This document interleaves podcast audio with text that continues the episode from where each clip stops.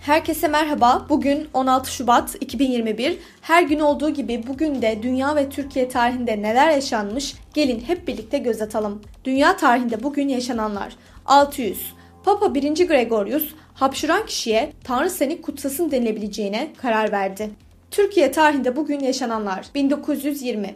Balıkesir'in kuzeyinde Manyas ve Gönen bölgelerinde 2. Ahmet Anzavur isyanı başladı. 1925 Türkiye'de sivil ve askeri havacılığı desteklemek amacıyla sonralara Türk Hava Kurumu adını alacak olan Türk Tayyare Cemiyeti kuruldu. 1949 Türkiye'de ilkokulların 4. ve 5. sınıflarında din dersi okutulmaya başlandı. 1953 Türkiye ve ABD arasında telefon hattı açıldı. 1976 Türkiye'nin Beyrut Büyükelçiliği Başkatibi Oktar Cirit tabancayla vurularak öldürüldü. Saldırıyı Ermeni terör örgütü Asal'a üstlendi. 2005 İstanbul Bağımsız Milletvekili Yaşar Nuri Öztürk Halkın Yükselişi Partisi'ni kurdu. Bugün doğanlar 1913 Türk piyanist, model ve Türkiye'nin ilk dünya güzeli Keriman Halis dünyaya geldi. 1979 İtalyan motosiklet yarışçısı Valentino Rossi doğdu. Bugün ölenler 1459 Türk alimi ve 2. Mehmet'in hocası